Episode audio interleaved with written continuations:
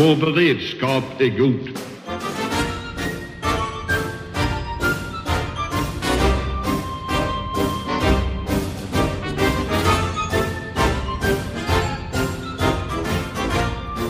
Hej och välkomna till Höjd beredskap, en podd från Aftonbladet Ledare. Och idag så spelar vi in från en av Sveriges hemligaste anläggningar, Försvarets radioanstalt på Lovön, lite väster om Stockholm. Och jag står här nere i en, en utställning om FRAs historia och lite om signalspaning och sådana saker tillsammans med John Ahlmark. Välkommen! Tack! Och vi står just nu här framför någonting som heter en G-skrivare som är en, ja, en svart låda skulle man kunna säga eh, från andra världskriget eh, Eh, med lite tangenter på och någon sladd på sidan här. Vad är det vi tittar på? Det, det är en fantastisk maskin som, som eh, Tyskland eh, använde för de högre staberna och eh, viktiga eh, knutpunkter i, sin, i, sin, i tredje riket helt enkelt. Den eh, krypterar trafiken mellan de olika G-skrivarna men man får fram den i skrivaren i klartext. Så folk kunde redan på 40-talet sitta och chatta med varandra mellan olika högre staber då i Nazityskland. Ja, och man kan säga att just den här G-skrivaren och just det här, det här, eh, det här eh, att man chattar mellan staber, det, det var där som FRA började skulle man kunna säga. Ja, ehm, efter att ehm, eh, Tyskland hade ockuperat Danmark och Norge i april 1940 så placerade man en sån här i bland annat i Oslo. Oslo var en viktig stad för tyskarna och man hade en omfattande trafik eh, mellan eh, den staben och Berlin. Eh, och för att kunna upprätthålla den så bad de svenskarna direkt efter ockupationen av Norge att få använda den svenska västkustkabeln, alltså telekablar, telefo telefonkablarna, eh, för att eh, kunna eh, skicka signalen eh, långt söderöver och sen ner till, eh, med egna kablar ner till, till eh, Berlin. Eh, och eh, Sverige protesterade väl eh, vederbörligen men såg samtidigt möjligheten så att man sa ja ehm, och eh, drog samtidigt en kabel eh, eh till eh, eller lät signalen gå, gå en kabel till Karlaplan 4 där eh, försvars, ehm, eh, försvarsstaben hade en, en anläggning där man kunde lyssna av det här. Så att, så att, eh, under andra världskriget så lyssnade Sverige på Nazitysklands kommunikation. Vad fick man reda på för någonting? Ja, problemet var väl från början att man inte fick reda på någonting eftersom den var krypterad. Tyskarna var inte dummare än att de förstod att någon kunde tänkas lyssna. Eh, men eftersom vi ehm, städslade en eh, professor i matematik i Uppsala som heter Arne Börling för att se om man kunde möjligen lösa, knäcka det här kryptot. Och han klarade det på en bragd, med en bragd på, genom att göra med, med, med penna och papper på två veckor så kunde vi sen resten av eh, den viktigaste delen av världskriget faktiskt eh, lyssna av eh, de meddelanden som skickades fram och tillbaka. Och det var väldigt viktiga upplysningar om hur kriget i allmänhet skulle föras, inte bara för Norges vidkommande. Så, så att om man tittar på FRAs verksamhet idag och eh, sen dess så skulle man kunna säga att en av orsakerna till den här utställningen och att eh, som, som ni har visat lite här det är just att det här blir på något sätt ett exempel på vad man kan göra sen. För FRA har ju då 70 års sekretess på det som man gör. Så att, så att, eh, så att det, här, det här är vad vi kan få reda på så att säga om FRAs eh, metoder och så idag. Det är verksamhet som hände på 40-talet. Ja, man har till och med utökat det till 95 år. Um, så att eh, vi visar väl i, i den här utställningen ger exempel på vad vi gjorde då för länge sedan. Men det är inte för att vi är så himla insnöade på just andra världskriget utan därför man kan se det som en analogi på hur man kan göra också idag. Man kan säga, om, man tittar runt i den här utställningen så har vi också en, en annan hörna en bit bort här, eh, om vi ska gå vidare till kalla kriget, eh, från den så kallade DC-3. Skulle du kunna berätta lite om den? Ja, vi hade då sedan några år börjat inhämta eh, signaler också eh, med flygplan. Och då hade vi en eh, en begagnad DC3 som hade varit med under... Och det här var på 60-talet? Nej, det här var på, det var 50-talet, 52 år här. 52? Ja. Um, så den hade varit med under andra världskriget och sen hade den flugit ett tag från, som passagerarflygplan åt SAS men sen köpte Försvarsmakten in den och de uh, drev den då medan personalen som signalspanare ifrån den kom från FRA. Uh, och en försommardag 1952 så när de var ute och, och åkte över Östersjön, eh, mitt i Östersjön, inte ens i närheten av någon gräns, så kom det en sovjetisk MIG-15 och eh, angrep den i två omgångar, tömde sina automatkanoner i den här DC-3 som störtade. Det var ett mycket kallt skede av kalla kriget. Man hade faktiskt skjutit ner några andra signalspaningsflygplan eh, på andra delar av, av, av gränsen eh, till Ryssland och på andra sidan, eller till Sovjet, eh, bara en liten tid alldeles före. Så att, eh men, men det här är något som hölls hemligt för det svenska folket under, under väldigt lång tid Ja, efteråt. att vi åkte omkring och, och signalspanade med, med flygplattformar, det, det, var inte eh, en öppen uppgift. Så att eh, vi berättade inte den saken. Den svenska den svenska officiella versionen var ju att det här var ett flygplan som varit ute och eh, övat navigation. Hur länge har, har det varit offentligt vad det var som egentligen hände? Jag är faktiskt osäker på när det skedde, eh, men eh, det hela blir ju i och med att, att eh, Sovjet sköt ner också det flygplan som var ute och spanade och letade efter den nedskjutna DC-3 så, så, så blev det ju ganska uppenbart för allmänheten redan då vem, var, i vilken riktning man kunde rikta misstankarna. Men sen att vi, vad, vad flygplans verkliga uppdrag var, det, det vet inte jag riktigt när det offentliggjordes. Men allting den dramatiska förändringen eh, i kunskap om det här var ju framförallt när eh, Sovjet föll och Eh, arkiven öppnades och eh, vi fick tillgång till information från både piloten som hade skjutit ner eh, flygplan som, in, som, som hade intervjuats och de som givit order om saken. Och det, när man sen ytterligare några år senare hittade flygplan på havsbotten och såg att det mesta som hade sagts om detta stämde med nedslagsplatsen och vad man kunde dra för slutsatser av, av de skador som fanns på flygplanet och, eh, kvarlevor av besättning man hittade sådär så kunde man ju av, avfärda en hel del osäkerhet och en del spekulationer. Ja, för här i utställningen så ser vi då både dels den, mot den radioutrustning faktiskt som användes på flygplanen. Eh, I Linköping så finns ju själva flygplanet, eller större delen av det, finns ju i Flygvapenmuseums utställning. Så det är en väldigt fascinerande bit av kalla krigshistorien som man faktiskt kan gå och titta på idag. Men här i, i det här rummet, här står ju då själva den, den radioutrustning som var med och också ett antal foton från de som omkom när det här hände. Eh, om man tittar på, om man går framåt några år i tiden, FRA använder fortfarande plattformar som du, som, som med flyg och, och fartyg och sådär. Hur, hur är det man samlar in information egentligen? Ja, på den tiden så handlade det bara om radio. Idag handlar det om fortfar fortfarande att man, man använder, eh, man samlar in radiosignaler helt enkelt. Man, man tar in dem. Eh, men också att man kan lyssna på satellittrafik eh, och man kan framförallt har det blivit ju senare tid en stark dominans för det man kan hitta i det globala nätet i fiberoptiska kablar. Mm. Men vi har fortfarande en, ett fartyg, Sverige har ett fartyg. Ja, eh, Försvarsmakten har ett fartyg som heter Orion eh, som befolkas av, eh, av oss eh, som håller på med signalspaning ombord på det, flygplan, det fartyget.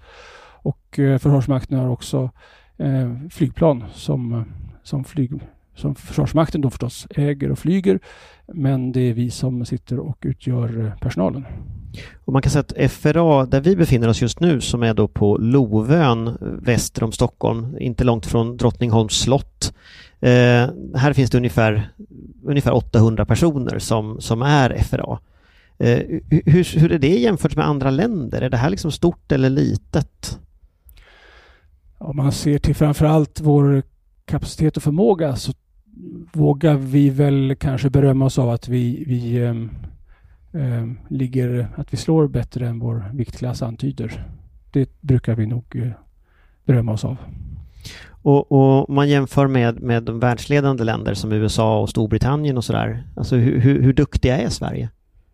Eh, jag kan inte, jag vill inte ge en riktig jämförelse där med, men, men det är klart att eh, ehm, vi har gjort det här eh, sedan eh, vi har hållit på med signalspaning sedan, sedan innan till och med vi bildades. Vi bildades 1942 och vi har ehm, vi, vi, har en god kapacitet. Det har vi för det som vi får uppdrag att följa.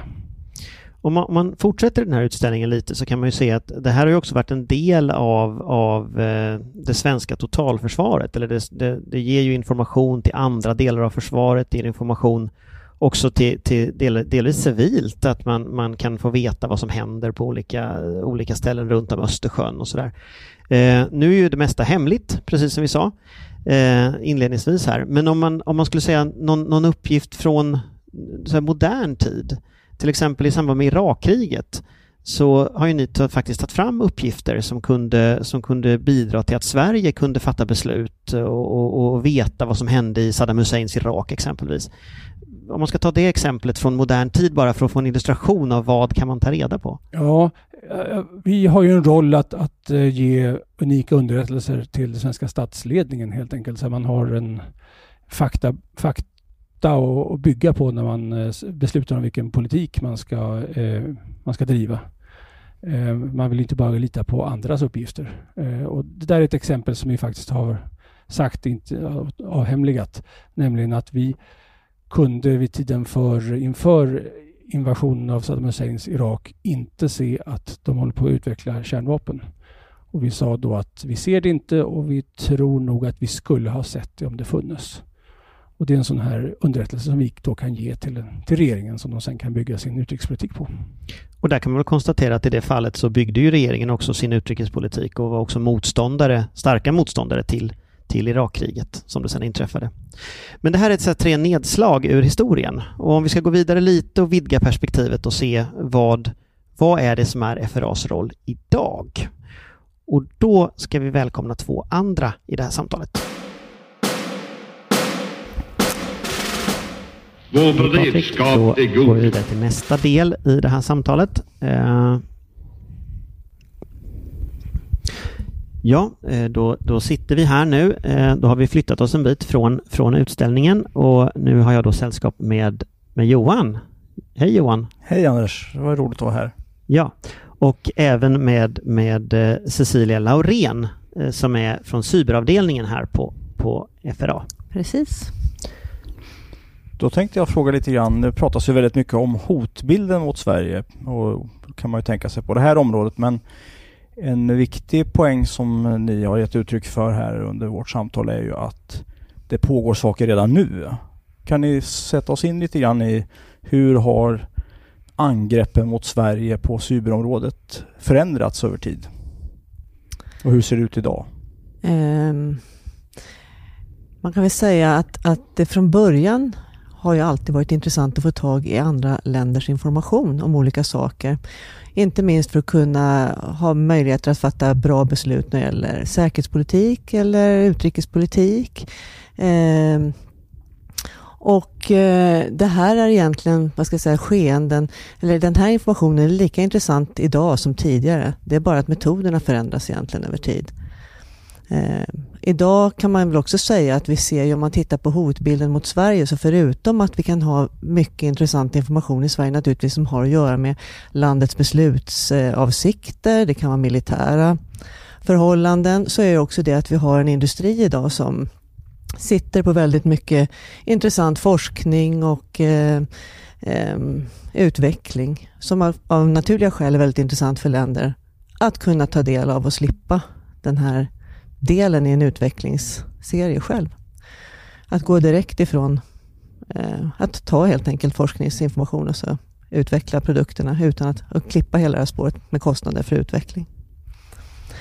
Eh, och då kan man alltså använda sig av cyberintrång då eh, hos de här företagen. Men kan man även gå då omvägar runt som exempelvis universitet som företagen samarbetar med? Och ser ni sådana saker också? Ja, alltså jag ska säga universitet, högskolor och, och eh, alla forskning och all, allt där utveckling och forskning pågår är av intresse naturligtvis. Så det skulle jag säga, det är ett hot idag. De stora bitarna man pratar om är många gånger eh, information som rör stat, alltså det som staten håller på med. De säger då det som har med in, eller säkerhetspolitik och utrikespolitik att göra. Sen är det industrispionage och som sista gren är ju egentligen kriminalitet som också är en stor del. Det är ingenting som vi jobbar med, för vi jobbar och tittar egentligen på vad statliga aktörer och stats, eller statliga aktörer och statsunderstödda aktörer ägnar sig åt. Det är liksom vårt fokus. Men det är väl ungefär de här tre delarna man brukar prata rätt mycket om. Och sen kan det även vara eh, de som drivs utav, vad ska jag säga, idéer snarare, alltså ideella saker som också kan ha eh, saker och ting för sig på nätet som kan ställa till det. Ideella, du tänker så terrorgrupper då? Eller? Ja, det skulle kunna vara. Som det. Våld, ja. Våldsbejakande extremism. Eh. Man kan nämna också kanske eh, att, att förbereda sig för sabotage och den typen av, av, av, mm. av, insatser har vi sett också på, lite grann eh, kanske på senare tid. Det började med de här klassiska sakerna som Cecilia nämner. Men, men eh, sak, sig för sabotage som man, som man helt enkelt eh, har beredskap att kunna orsaka oreda i ett samhälle eh, om man skulle behöva det i framtiden. Eh, och även flyktingspionage är någonting som också har blivit, kanske på lite senare tid, eh, en stor sak i, som, som vi har kunnat se. Eh, När man helt enkelt, andra länder tittar på sina egna medborgare och dissidenter i Sverige för att kunna följa vilka personer de träffar, vilka de pratar med, var de befinner sig. Och då är det klart att, eh, att all information som finns i människors mobiltelefoner ger ju den informationen. Men, men, om man tittar på den frågan som Johan ställde här för alltså hur stor är hotbilden om man, om man tittar över tid? Ökar den? Minskar den? Hur förändras den? När vi tittar på cyberområdet så kan man säga att vi går ju mot ett allt mer digitaliserat samhälle. Det satsas ju jättemycket på att få upp Sverige, att digitalisera hela Sverige. Och vi lägger om väldigt mycket av våra verksamheter till, med digitala verktyg egentligen. Eh, det viktiga här är ju att säkerheten hänger med. Att man inte bara tänker att nu ska vi digitalisera utan det är ett rätt så ordentligt säkerhetsarbete som måste faktiskt gå parallellt med arbetet med digitalisering. Och det här har väl vi varit ute i olika omgångar och sagt att, att verkligen vikten av att det här hänger ihop. Eh, därför att det är otroligt svårt att slänga in säkerheten efteråt när man upptäcker att man inte har fått media från början. Det är, förutom kostsamt så är, så är det inte ens säkert att det funkar eh, precis som man har tänkt sig sen. Så, så säkerheten måste vara med redan på designstadiet så att säga? Absolut. Absolut så är det det finns ju den här, den här om, man, om, man, eh, om, man, om man tittar på, det låter dramatiskt, men det finns ju den här diskussionen om ett cyber Pearl Harbor, att man kan angripa ett land och liksom helt slå ut, alltså flygplanen ramlar från himlen och självkörande bilar slår på, kör på varandra och ditt kylskåp eh, gör något med din mat, jag vet inte exakt. Mm. Men det här liksom dystopin på något sätt, att liksom hela det digitala systemet slutar fungera. Är det där liksom en möjlighet för någon att göra så eller är det här liksom bara fantasier? Vi har ju väldigt mycket samhällskritiskt som ligger idag, som där vi är helt beroende av internet. Och vi har många funktioner som en gång i tiden byggdes för, inte för att ligga på internet, utan byggdes egentligen som säga, autonoma system som man idag har kopplat upp av olika skäl. Eh, så det är klart att sårbarheten ökar för mycket av det som är samhällskritiskt. Och det är en av våra huvudfokus att se till att, att arbeta med skyddet utav det samhällskritiska. Just därför att försöka motverka eh, händelser som kan ha stor påverkan på samhället. Man behöver inte vara så himla dystopisk heller. För att alltså, det, det, är så självklart i den icke-digitala domänen att saker kan eh, förstöras, gå sönder eh, eller saboteras. Eh, men bara det faktum att, att man inte kan helt skydda sig mot skadlig kod eh, kring någonting som är uppkopplat på internet, hur goda säkerhetssystem man än har, brukar ibland leda till en sån dysterhet. Eh, alla har vi liksom i våra hus och hem och kontor och företag eh, lås på dörrarna och vi vet att de låsen kan forceras av duktiga tjuvar om de får tid på sig. Eh, det gör oss inte dystra utan vi förstår den saken. Vi gör en avvägning och så måste man även göra här. Den avvägningen ligger nu eh, behöver göras så att det blir bättre säkerhetssystem. Eh, men, men det behöver inte vara jobbigare än så. Men om man tittar på, på jag har läst lite när ni har liksom kommenterat förut och då har ni varit väldigt tydliga med att det hänger inte med. Myndigheterna ligger efter. Det, det, vad ska man göra för att de ska hinna med då? Om, de, om ni har sagt det och alla säger detta och det ändå inte fungerar, vad ska man, vad ska man göra då? Man kan väl säga att det går åt rätt håll i alla fall. Medvetenheten om de här frågorna ökar ju och det, det är ju väldigt positivt. Eh, det gäller också att, att vad ska jag säga, ta, ta den hjälp man kan få. Men vi ser ju också när vi är ute och tittar, vi gör ju penetrationstester. Du får nästan säga vad penetrationstest och penetrationstester, Vi är ute och testar då en, en myndighet, till exempel deras system, för att se eh, hur ser det ut, hur ser det ut med sårbarheter i det här systemet. Vad kan man göra för någonting? För Ni försöker hacka dem? Ja, vi försöker hacka dem. På deras uppdrag? På deras uppdrag, absolut. Och sen så när vi har gjort det här då så lämnar vi en, en rätt ordentlig lunta med åtgärder som man kan vidta för att helt enkelt göra säkerheten bättre i dem. Men många gånger kommer man tillbaka till samma problem och det vill säga till exempel lösenord är fortfarande ett problem och vi har pratat lösenord jag vågar snart inte säga hur många år tillbaka som lösenord har varit på tapeten, att det måste bli bättre.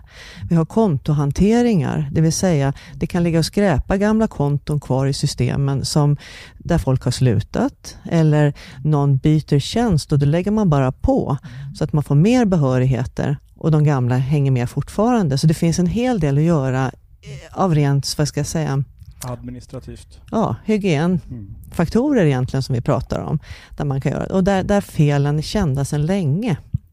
Så att på något sätt försöka få ordning på alla de här gamla problemen. Eh, det skulle nog lösa en hel del faktiskt. Det skulle åtminstone göra det svårare. För även de mest avancerade angriparna väljer ju inte avancerade vägar om det finns enklare vägar. Men jag tänker på, ni, hur, hur har ni sett på hotbilden över tid?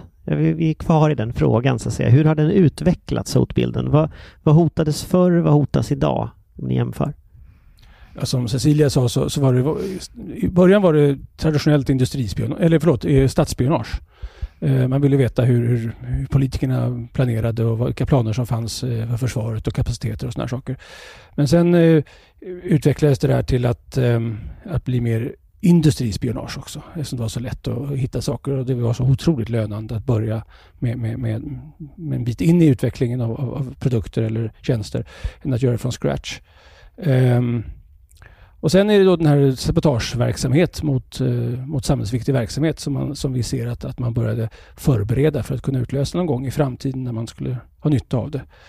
Eh, och sen skulle vi väl efter det grovt tillyxat säga att, att eh, det blir mer populärt med, med eh, också eh, hålla på med, med flyktingspionage och, och kolla på dissidenterna som finns i Sverige för att hålla koll på vad de gör för någonting. Eh, och sen är det väl så att de här, det senaste som vi, som vi kan se är en, en, en ny färgklick på paletten så att säga, eh, är ju påverkansoperationer och desinformationsåtgärder. Eh, där man eh, ju helt enkelt vill antingen vill stödja en viss opinion eller helt enkelt så split i ett samhälle. De här sakerna är alltså kompletterande varandra. Det är inte så att det har blivit, man slutar med det förra för att man gör det, gör det nya utan det är bara fler, eh, fler klickar på paletten eh, från de som angriper oss. Om man skulle säga något sånt typfall, alltså, vad skulle ett typiskt sabotage se ut som? Det, jag kan inte gå in i detalj men, men, men, men det finns ju mycket verksamhet och man behöver inte vara väldigt, eh, har mycket fantasi för att förstå vad som händer om, om vi inte längre skulle ha elektricitet eller kommunikationer eller eh, betalningsmedel och den typen av saker. Det är, vilka verksamheter som vi ska stödja eh, avgörs i samverkan och dialog med Säkerhetspolisen. Men det där är ju först civila verksamheter du pratar om nu. Eh, om man tar betalningssystemet eller eh, ja, Vattenfalls elnät eller något, Svenska kraftnät eller någonting sånt där. Eh, kan FRA på något sätt hjälpa den typen av myndigheter också eller liksom hur, hur fungerar det? Ja, det, det, alltså det, det handlar om hur samhällsviktig verksamheten är eh, för myndigheter och statliga bolag när det avgörs vilka, vilken typ av verksamhet vi ska stödja i deras tekniska informationssäkerhet. Men då ser ni alltså, ni har sett, upptäckt då rekognoseringar som ni tolkar som förberedelse för sabotage i den mån man skulle vilja sätta igång en sån sak? Ja, den typen av, av eh, aktiviteter. Ja, kan vi se. man kan tolka på det mm. sättet. Men ni, ni panorerar över ganska många hot mot Sverige. Liksom. Det är internationell terrorism och det är smuggling av komponenter till massförstörelsevapen och det är militär förmåga och sådana saker. Men vad, vad ser ni som den största risken för, mot Sverige idag? Av det ni ser? Alltså rent, alltså, Säkerhetspolisen säger ju att vi befinner oss i en gråzon nu. Um, och det består ju till hög grad av, av de uh, angrepp, cyberangrepp som riktas mot Sverige idag. Mm. Och inte bara är ett hot utan, utan Eh, och man kan väl säga att de här cyberangreppen har blivit väldigt mycket mer fokuserade och inte alls lika spretiga som de var för en 10-15 år sedan. Då det mer var så att man, man gick in och, var, och man lyckades hacka sig in någonstans så hoppas man hitta något intressant. Idag vet man och man samordnar det där väldigt mycket från, från utländsk makt eh, med andra aktiviteter eh, som inte är cyberrelaterade då, utan som man får åstadkomma ett visst mål som man kanske satt upp i förväg. Där beskrivs väl av, av inte minst Säkerhetspolisen. Vi pratar ju och har gjort sedan ett antal år tillbaka att vi ser en ökning utav eh, cyberaktiviteten och vi ser också en ökning av sofistikeringen, det vill säga man är nogsammare vad man går emot. Eh, man sätter upp en idé om vad det är man vill åstadkomma för någonting. Man gör en, en väldigt bra kartläggning. Man vet hur man ska komma åt det här, det här målet och uppnå det här syftet som man är ute efter. Och där ser man ju att det har blivit mer sofistikerat idag än vad det var för ett antal år sedan i alla fall. Men jag tänker, du, sa, du nämnde påverkansoperationer. Jag tänker på ett sätt amerikanska förra presidentvalet. Det var ju någon blandning av en cyberattack mot demokraternas eh, e-postsystem i kombination med en påverkansoperation, i det fallet från rysk sida. Eh, och nu vet jag att ni inte pekar ut enskilda länder och så, men, men jag kan ju göra det och alla som lyssnar vet ju att det är det, det som, som det var frågan om. Eh, men, men, men den typen av liksom sammanblandning där påverkan, cyber, hänger ihop. Ser vi den typen av saker mot Sverige i någon stor utsträckning idag eller är det någonting som vi ser, eh, alltså den, den, den, där det finns en politisk avsikt liksom med det?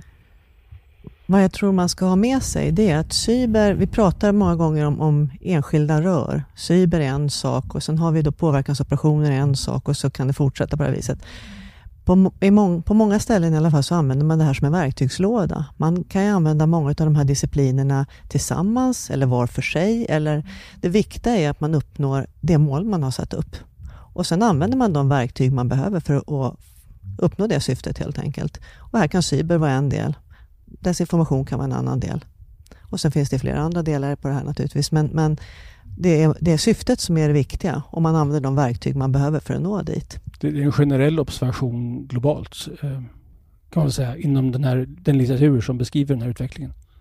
Men jag tänker just om Sverige, om man tänker för till exempel in, inför förra valet, förra riksdagsvalet, så var ju regeringen extremt tydlig med att, att det här var ett hot, ett uppenbart hot, att det fanns andra aktörer och man pekade ut Ryssland också, mer eller mindre, lite olika aktörer och sådär. Eh, men där handlar det ju väldigt tydligt om, precis som du säger, att i deras militära tänkande så gör man ju inte skillnad på olika metoder utan det blir ju som en verktygslåda där man liksom plockar upp ett verktyg. Och, och då är ju så här, er verksamhet är ju en, i, i en sorts stuprör så att säga i den andra ändan. Det är därför jag tänker, ser ni någon ökning i det här eller ser ni vad ser ni händer? Hur ser det liksom den globala arenan, den svenska arenan ut? Rent generellt kan jag bara säga att ja, vi ser att det, att det används eh, mycket mer systematiskt, väldigt mycket mer medvetet, mycket, mycket mer systematiserat utifrån de mål man vill uppnå. Och där finns det, använder man verktygen tillsammans. Mm. Jag tänkte vi ska gå vidare till en, den frågan som handlar om vad gör man? Vad har man för förmåga? Vad händer? Och då tänker jag att det finns en viktig del. Vi hade ju några år sedan den här så kallade FRA-debatten Eh, och, och, därför tror jag det är viktigt för, för lyssnarna bara att påminna om så hur lagstiftningen ser ut. Vad är det som är FRAs uppgift? Vad är det som är andras uppgift i det här systemet? Skulle ni kort kunna beskriva mm. vad är FRAs uppgift och liksom hur skiljer den sig åt då från andra myndigheter som liksom avgränsar detta? Det här var ju en enorm debatt för ett antal år sedan. Mm. FRA är Sveriges signalunderrättelsetjänst, det vill säga vi tar in elektriska signaler från utlandet eh, som vi kan utvinna information om eh, som våra uppdragsgivare har bett oss om att, att eh, leverera i form av rapporter och kunskap om, om vad som händer. Det är för att Sverige ska kunna föra en, en självständig och eh, kunnig utrikes och säkerhetspolitik. Och där kan man säga nyckelskillnaden här det är att det är utlandet. Ja, vi eh. tittar utanför Sveriges gränser. Det är en ganska stor plats på jorden. Ja, precis. Och, men det är, ju, det är viktigt med tanke på den debatten vi, vi hade tidigare i Sverige, just att det här är en viktig skillnad. Givet detta, vad är då, vad är det ni gör? Liksom, vad är det praktiskt ni kan, kan göra för att skydda Sverige i det läget? Ja, vi har två ben för vår verksamhet. Det ena är ju då den, den klassiska eh, signalunderrättelsetjänsten eh, där vi får, kan få uppdrag från våra uppdragsgivare som är regeringen och regeringskansliet, det är Säkerhetspolisen och det är Försvarsmakten. Ehm, Um, och, och, det är polisens nationella operativa avdelning. Eh, och där kan de ställa uppgifter till oss helt enkelt. De vill ha information om vad som vi kan se inom, inom vissa aspekter. Det kan handla om till exempel det militära närområdet i Sverige. Det kan handla om eh, FN och EU-sanktioner om de efterlevs eller på vilket sätt de inte gör det. Man kan se om det finns massförstörelsevapen som utvecklas på olika delar av världen eh, och andra liknande saker. Och där ger de oss uppdrag och vi tar om det för dem. Det andra benet är då eh, IT-säkerhetsfrågor, eh, cyberförsvar, eh, där vi kan eh, dels se hur, hur, vad som händer ute i världen och hur skadlig kod används mellan stater. Ehm, men också eh, gå ut i Sverige och hjälpa eh, svenska myndigheter, framförallt de myndigheterna som är viktiga, som har verksamheten väldigt viktig för, för svensk samhällsliv och statliga bolag att få en bättre IT-säkerhet. Eh, jag, jag, tänker på det här, det här det, om man skulle kalla det alltså, vanvördigt att kalla det för Sveriges virusskydd, men, men, men om det är så att det är angrepp från andra, är ni Sveriges i virusskydd då? Nej, det, jag skulle säga att vi har, vi har ett tekniskt detekterings och varningssystem och det, får, det finns på ett antal myndigheter idag. Eh, och det är ju unikt i den, på det sättet att i, den, vad ska jag säga, i det skyddet så, så har vi ju det, det vi ser ute med signalspaningen på det globala nätet, det vill säga eh, kan vara koder där vi vet att det här används som skadlig kod. Eh, och det här är liksom sånt vi kan använda i det här detekteringssystemet. Så att vi har en möjlighet att upptäcka det innan det går in i, i då de verksamheter som skyddas av det här systemet. Eh, det här ska inte på något sätt eh, ersätta ett vanligt virusskydd och det är rätt viktigt faktiskt, utan det behövs i alla fall, utan det här är ett komplement som, som liksom ligger utanpå för vissa. Men, men vad ska jag säga, det är, inte ett, det är inte istället för på något sätt, utan det här är rätt så specifik. Det är ett extra skydd mot de mest kvalificerade aktörerna? Det är precis vad det är. Jag tänker på näringslivet. Mycket av det som ni beskrev förut är ju saker och ting som egentligen, som i Sverige, det är ju försvarsindustri eller det är andra verksamheter. Eh, och det, det, är ju, alltså hur, hur hanterar ni hot där?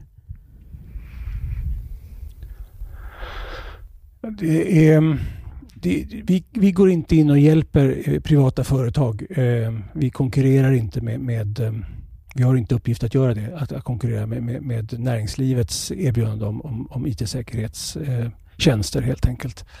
Eh, men det är klart att i den mån som vi ser att saker händer så kan vi inom ramen för våra andra, andra verksamheter så, så klart vi kan rapportera det till, till, till, till exempel Säkerhetspolisen och sen så, så ser vi vad som eh, eh får de agera utifrån detta. Men det är inte en tjänst vi tillhandahåller. Får jag bara säga till lyssnarna då att man vet exempelvis från det östtyska industrispionaget att man sparade 30% av alla utvecklingskostnader. Och det gör ju, blir man av med de här grejerna i svensk industri så, så är det svårt att konkurrera mot, eh, mot konkurrenterna om de har så att säga 30% mindre utvecklingskostnader. Det betyder ju jobb och välstånd i förlängningen. Det är ju därför det här är oerhört viktigt. Ja, och, och, Ja, där kan jag bara hoppa in och, och, säga att det är egentligen det som är den stora faran med industrispionaget idag. Det är ju faktiskt att det handlar om, om kommande generationers möjlighet till välstånd. Eh, vi, vi, vi, blir ju av med liksom det som vi har möjlighet att eh, på längre sikt kunna tjäna pengar på i det här landet. Och, och det som vi dessutom har investerat pengar i utbildning och, och sådana saker, mm. ett helt system för att liksom få fram den här uh, kunskapen. Mm. Jag tänker på det, för att det, det ni tog upp här förut, det, det är ju också det här med, och det har ni ju uttalat i dem innan också, med liksom naiviteten, att liksom vi ligger efter i utvecklingen och sådär. Eh, jag, jag, jag, tycker att när man pratar med människor som är experter på olika säkerhetsområden idag, det kan handla om psykologisk eh, krigföring, det kan handla om cyberattacker, det kan handla om annat. Det här återkommer hela tiden, att vi, att vi liksom ligger efter, inte bara utvecklingsmässigt utan också i förståelsen i samhället. Att myndigheterna har kunskapen men politikerna verkar inte förstå liksom varför det, vad som händer. Allmänheten hänger inte med, företagen hänger inte med. Vad beror det här på att vi inte liksom uppgraderar på något sätt försvarssystemen när alla, så många andra länder ökar hoten liksom mot oss? Vad tror ni det beror på? När ni, ni följer ju det nära liksom. Vad... Ja, det är en liten fråga. Um, alltså angriparna och hoten ligger ju alltid först eh, per definition. Eh, och sen handlar det om att, att förutse vad som händer så bra man kan och, och att skydda sig.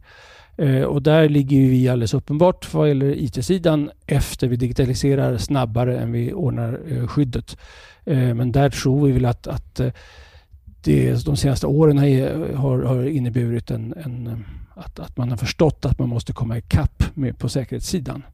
Eh, och det gör man även om det är svårt för vi håller ju samtidigt på att digitalisera så att man, man, man försöker hålla på och springa ikapp en redan springande utveckling. Ehm, och där har vi till exempel problem med, med Cecilia, du, du brukar, brukar, beskriva kompetensbehovet till exempel mm. som, är ett, som ett stort problem.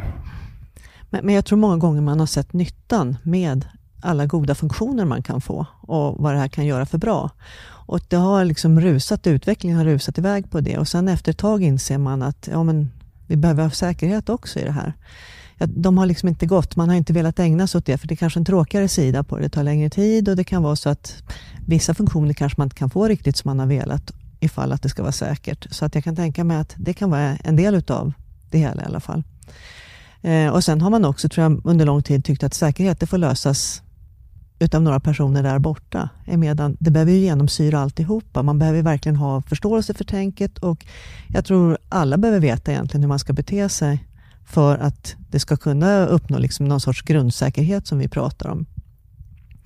Sen pratar vi om kompetensbehovet och, och här försöker vi slå ett slag för att risken är ju med den digitalisering som vi gör och det behov vi har utav kompetens inom området. Vi har ju vi har ju även idag svårt att hitta duktiga människor. Det är ju en väldig brist och det är en väldig konkurrens om de personer som finns. Och med den takt vi, vi digitaliserar så kan vi bara säga att vi kommer ha ett ännu större behov framöver. Och här finns det ett stort behov på vad ska säga, nationell nivå egentligen att se till att vi, vi försörjer oss kompetensmässigt så vi har människor som är duktiga på det här. Och då talar vi kompetens inom IT-säkerhet. För, att, för att kompetens att digitalisera har vi uppenbart Ja, nej, vi pratar om informationssäkerhet helt enkelt. Det är det jag i alla fall syftar mm. på. Mm. Jag tänker också, om nu ska inte ni recensera regeringens politik som, som myndighet och så, men, men om man tittar på, på det som man har gjort på senare år, då handlar det om till exempel det här med, med cybercentrum, att man ska hitta någon form av samverkan mellan myndigheter eh, kring de här frågorna. Hur, hur, hur fungerar det och vad är det här cybercentret så att säga för någonting? Det har ju återkommit flera, det återkommer flera gånger i debatten som liksom den åtgärd på något mm. sätt som regeringen vidtar här? Mm. Det, regeringen kom med ett uppdrag i höstas till, till ett antal myndigheter att titta på hur ett sånt här center skulle kunna utformas. Och det var ju FRA och Säkerhetspolisen, Försvarsmakten och MSB som fick uppdraget. Eh, det svaret lämnades den 16 december förra året. Eh, och så vi, där, där kan vi säga, där väntar vi på svar från regeringen. Men vi har ju i alla fall fortsatt arbetet i det att vi jobbar med en fördjupad myndighetssamverkan nu. Så, så vi vad ska jag säga, krattar lite grann i manegen för det här. Så att ett arbete är påbörjat mellan oss. Och då ska man ju också säga det att vi har ju sedan tidigare jobbat tillsammans och har en rätt god etablerad samverkan. Eh, och I det här fallet nu så handlar det mycket om att stärka myndigheternas förmåga, att vi kommer ännu närmare varandra. Så, det... så, så, så, vad är det ett cybercentrum ska kunna göra som man inte kan göra idag? Eh, ett cybercentrum är, finns ju en tanke i alla fall att vi kanske ska sitta närmare varandra och snabbare kunna dela information med varandra. Och Det är för att vi ska bli vassare helt enkelt. Mm. Om ni blickar framåt avslutningsvis liksom på hur svenskt cyberförsvar kommer att se ut och, och hotbilden och så som, som vi... Du sa ju förut att hotbilden kommer först och det är ju naturligtvis så. Eh, men, men bara som en illustration av liksom världen. Jag, jag var i Kina förra, förra året eh, på en resa och träffade deras försvarsmakts eh, tankesmedja där. Och de berättade om den här strategiska stödstyrkan som kinesiska försvaret med över 100 000 man som bara ska sitta och om jag nu lite vanvördigt kallar det hackare, men det är ju mer eller mindre det som det handlar om. Det är liksom asymmetrisk krigföring i gråzon där väldigt mycket handlar om nätet. 900-800 personer. Det är liksom helt andra volymer om man tittar på liksom hur omvärlden ser ut. Eh, och liknande utveckling sker ju i andra länder också. Så att om ni tittar framåt på liksom hotbilden och, och vad ni gör, hur, hur kommer det att se ut om två, tre, fem år? Sen FRA bildades 1942 så har allt fler så avkrävs allt fler kompetenser för att kunna följa det som vi ombeds att följa. Det började med radio, sen var det satellit eh, och sen var det globala nätet och det kommer nya metoder hela tiden. Nya sätt att kommunicera, nya sätt att kryptera som vi måste kunna hantera. Eh, och hittills har vi inte kunnat släcka några, några inhämtningsmetoder för att eh, vi måste kunna allt det som vi kunde från början och lägga på nya grejer. Så att det, det vi ser framför oss är väl att vi, vi måste fortsätta att kanske utöka solfjädern av, eh, av kapaciteter och kunskaper och kompetenser som vi har. Och det gäller inte bara oss, utan det gäller nog eh, myndigheter och samhället i övrigt också. I och med att eh, det är ganska få tekniker som blir så föråldrade som man kan skita i dem helt och hållet. Så vad är det för nya tekniker tror du om du skulle få gissa? Om vi sitter här om fem år och så frågar jag vad, hur ser hotbilden ut och hur ser förmågan ut? Vad, vad kommer du att svara då? Ja, det, det, kan jag inte svara på, men jag Nej, kan säga att, att jag, jag, har kollegor som sitter och tänker på precis det här och ser vad finns det för tekniker om hörnet? Vad kommer finnas om 10 och 20 år? Hur kan vi uppfylla vår uppdragsgivares önskemål då eh, med den teknik som finns då? Hur måste vi förbereda oss och måste vi utveckla? Tack så jättemycket för att vi kom hit. Och, och, vill man lyssna mer på er så har ni ju en, eh, en podd. Precis, Cyberförsvarspodden ger vi ut. Vi har hittills eh, gett ut tre avsnitt och vi har ett antal som faktiskt är på gång under våren, för sommaren hoppas vi. Och vi kommer också i den här posten lägga en länk så att ni kommer att kunna hitta den om ni vill fördjupa er mer i cyberförsvar. Hyggligt. Men tack så mycket för att vi kom, fick komma hit i alla fall. Tack. Och så ska vi fortsätta med lite studiosamtal här ska vi försöka. Eh, och då är det så att vi har då ingen studio längre eftersom vi inte kan vara på Aftonbladet utan vi kommer att ha vårt studiosamtal här. Eh, tack så mycket. Tack.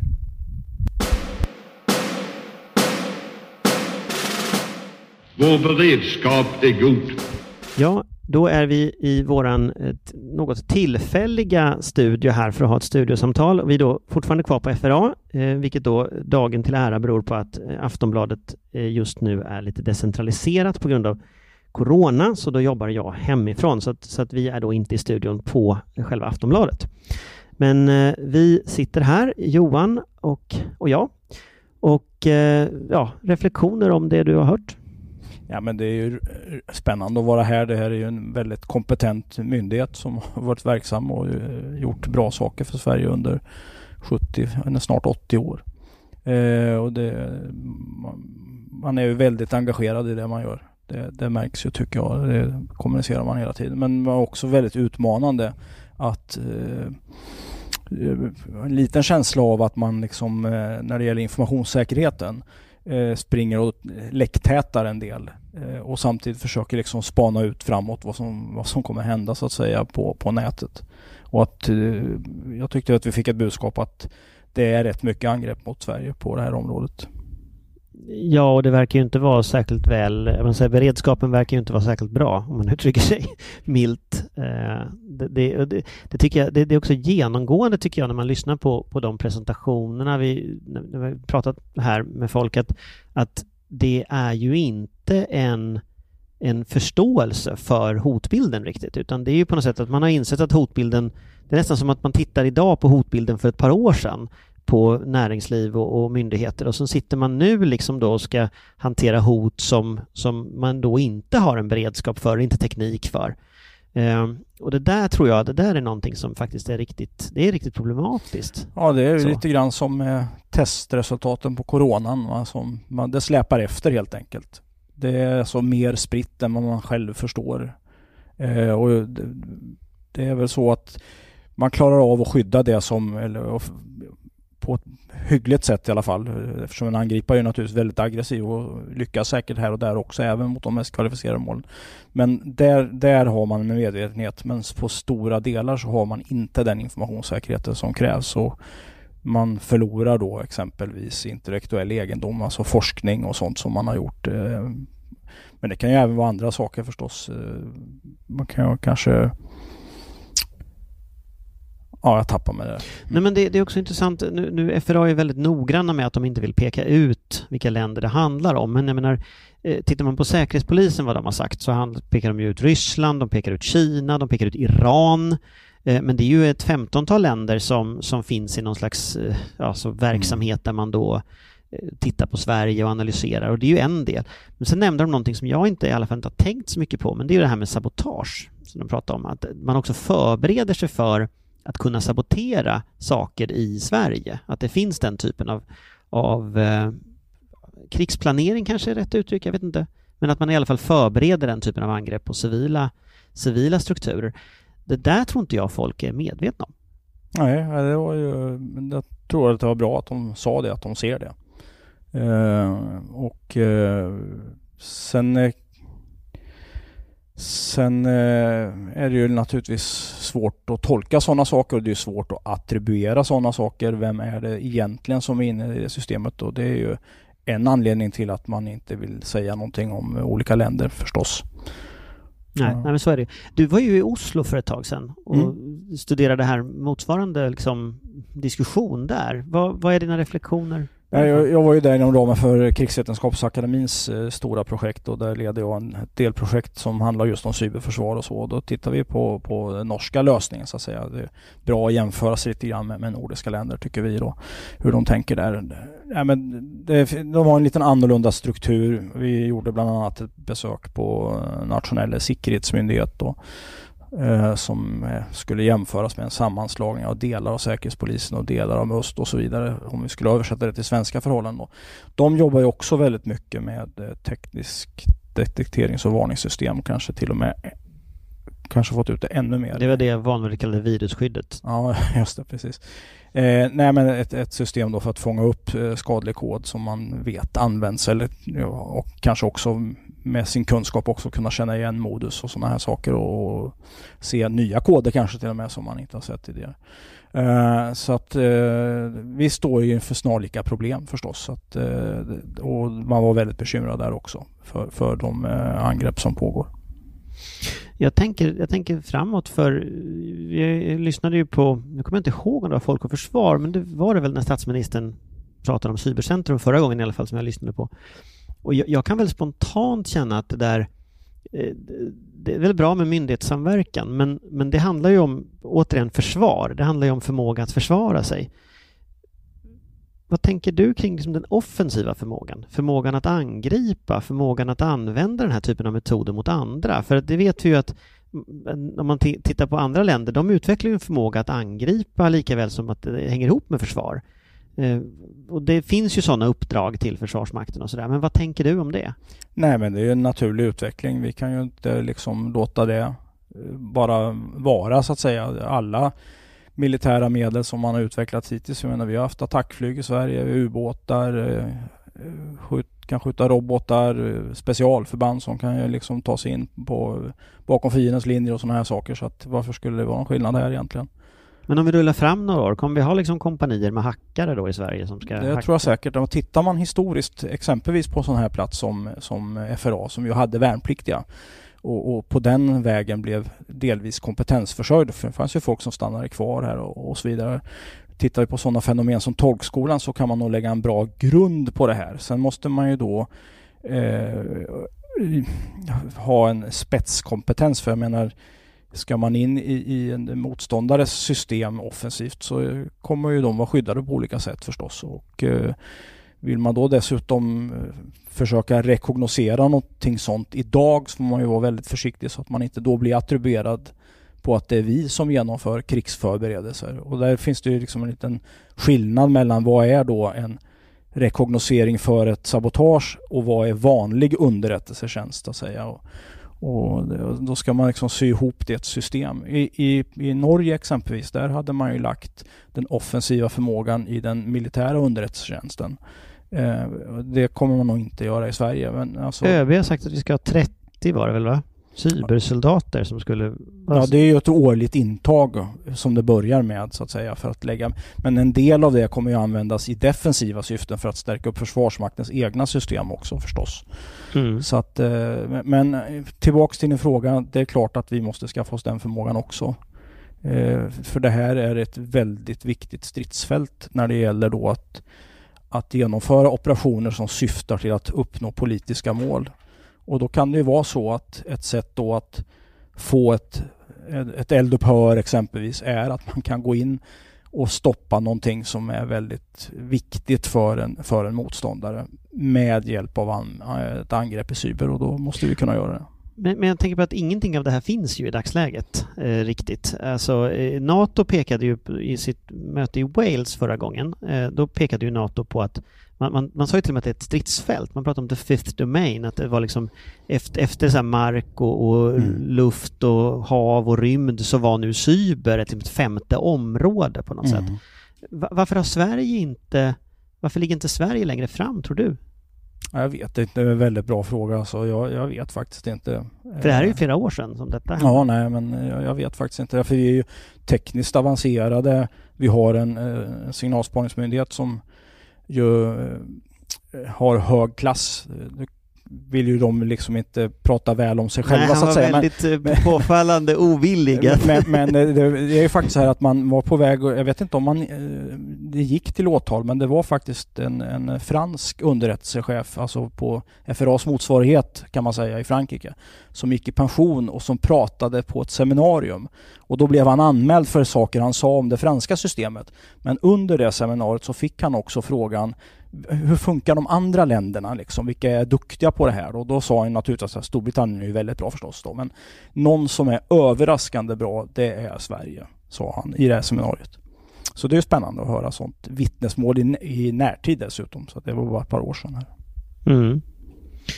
Om, om... Och, och, då borde vi kunna skapa oss den här offensiva förmågan, tycker jag, med den kompetensen i botten vi ska runda av detta, men jag ska ställa samma fråga till dig som jag liksom frågade eh, de, tjänsten, de från FRA här. Alltså, vad, om du tittar framåt, eh, vi har en värld av AI, av drönare, av ny typ av teknologi. Eh, jag vill minnas, för ett antal år sedan så fördes ganska mycket diskussioner om det som kallades för Revolution in Military Affairs. Det var framförallt efter Irakkriget som vi pratade om här förut. Där, där så nya tekniska system egentligen omöjliggör hela strategiska modeller, hela sätt att tänka kring militära frågor. Och du måste utveckla på något sätt alla förmågor igen, därför att i det fallet var det ju IT och mm, GPS och så som, hade, som gjorde att när, när USAs eh, stridskrafter mötte Iraks så vann USA på mm. 100 timmar eller vad det var, därför att det gamla systemet var helt obsolet. Mm. Nu, nu känns det ju som att vi står i en ny revolution of military affairs, även om man inte pratar så mycket om det, med AI, med signal med, med den digitala världen på något sätt. Mm. Om du blickar framåt liksom, ett par år, hur ser det här bygget vi är på ut då? Nej men det är ju robotangrepp dygnet runt så att säga. Alltså kod som bara ligger och kör och bara söker och skannar överallt automatiskt.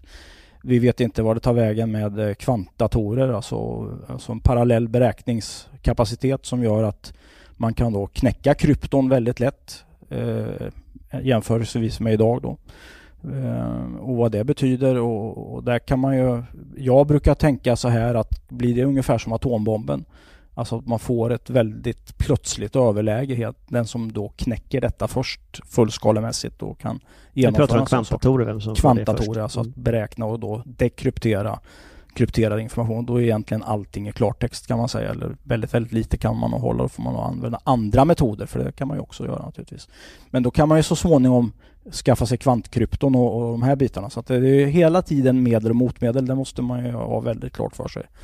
Sen vet man inte hur det blir. Du nämnde ju rymden här också. Då har vi liksom möjligheten att angripa satelliter. Det finns ju ganska mycket navigation och sånt som är uppbyggt på Eh, satelliter, att man vet var saker och ting håller hus någonstans. Eh, alla platstjänster i hela mobilnätet, är ju, alltså våra applikationer i mobiltelefonerna finns ju stora affärsmodeller som är uppbyggda på att det ska fungera.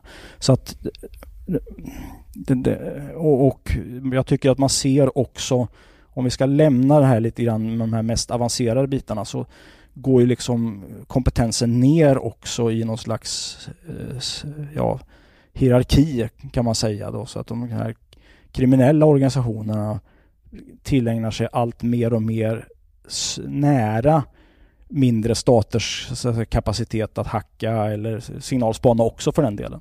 Så att eh, det, det lär nog bli fler hotaktörer också. Det kommer ju också försvåra eh, för våra myndigheter då att, att eh, försvara sig mot detta för det blir mycket, mycket brus och mycket mer, mer anfall egentligen. Mm. Och on that happy note så tror jag vi slutar. jag tänker eh, tack så mycket för idag och eh, nu eh, kommer Amanda med en krönika om Ja, det får ni höra alldeles strax. Vår beredskap är god. Pandemin är nu ett faktum och över hela Europa pågår en kamp mot klockan för att om inte stoppa virusets framfart så åtminstone sakta ner det något. Skolor stänger, alla som kan arbeta hemma gör det och i både Sverige och omvärlden kommer rapporter om hamstring av mat, läkemedel och hygienprodukter i en takt som handeln har svårt att hinna med. Oron är påtaglig, inte minst i media och på sociala medier. Samtidigt är oro och panik en risk i sig. En läkare berättar på Twitter om en äldre kvinna som efter undersökning får besked att hon har cancer och blir lättare över att det inte var covid-19. Men covid-19 går att överleva. De allra, allra flesta överlever. En absolut majoritet, även i riskgrupperna. Rädsla, känslor av maktlöshet och panik är inte ofarliga, vare sig för individen eller samhället. I synnerhet inte när vi låter rädslan störa vårt agerande. Det viktiga nu, och det har ni säkert hört, är att värna vården och riskgrupperna. Att se till att läkare, sjuksköterskor och undersköterskor har den utrustning och det stöd de behöver för att på ett säkert och effektivt sätt kunna utföra sitt arbete. Att plana ut kurvan av smittade så att intensivvården hinner med. Samtidigt är detta ett maraton, inte ett sprinterlopp. Det kommer ta tid innan pandemin är under kontroll, än längre tills vi får ett vaccin, även om det lär ske i rekordfart. Parallellt pågår otal hoppingivande studier på om antivirala läkemedel godkända för användning mot andra sjukdomar kan tänkas ha effekt även mot covid-19, vilket förhoppningsvis kan lätta bördan för sjukvården. Att stänga ner verksamheter ett par veckor är kanske en förhållandevis liten kostnad för den vinst det ger i form av att sakta ner utbrottet. Men vad händer efter en månad? Tre? Ett halvår? De första branscherna att drabbas är rese och eventarrangörerna. Flygbolagen drar kraftigt ner på turerna på de sträckor där de inte redan tvingas stänga ner helt av smittspridning och myndighetsbeslut. Eventarrangörer lägger ner konserter, mässor och konferenser på löpande band. Och hotellarrangörerna har blivit av med halva sin beläggning över en natt. Bara i Sverige varnar hotell och restaurangfacket för att 7000 personer redan varslats. Ytterligare 3500 lär följa bara de närmsta dagarna och 2500 viss och deltidsanställda får gå mer eller mindre på dagen. Ekonomi är inte oviktigt. Att människor fortfarande har ett arbete att gå till efter krisen är inte oviktigt. Att butiker, restauranger och hotell finns kvar efter krisen är inte oviktigt. En dag ska vi återgå till normalläge och då måste det finnas någonting att återgå till. En pandemi kommer på ett eller annat sätt vara över om ett år eller två. En global recession kan vi få leva med i ett decennium eller mer. Det handlar inte heller bara om Sverige eller ens Europa. De ekonomiska följdverkningarna kommer att slå över hela världen. Också i de länder där arbetslöshet mycket konkret leder till att man inte längre har råd att äta eller hålla tak över sitt huvud. Länder som i en global finanskris spår riskerar att bli betydligt fler. Oron är förståelig och människoliv är alltid skyddsvärda. Men varje beslut medför alternativkostnader och det är en verklighet vi inte kan blunda för.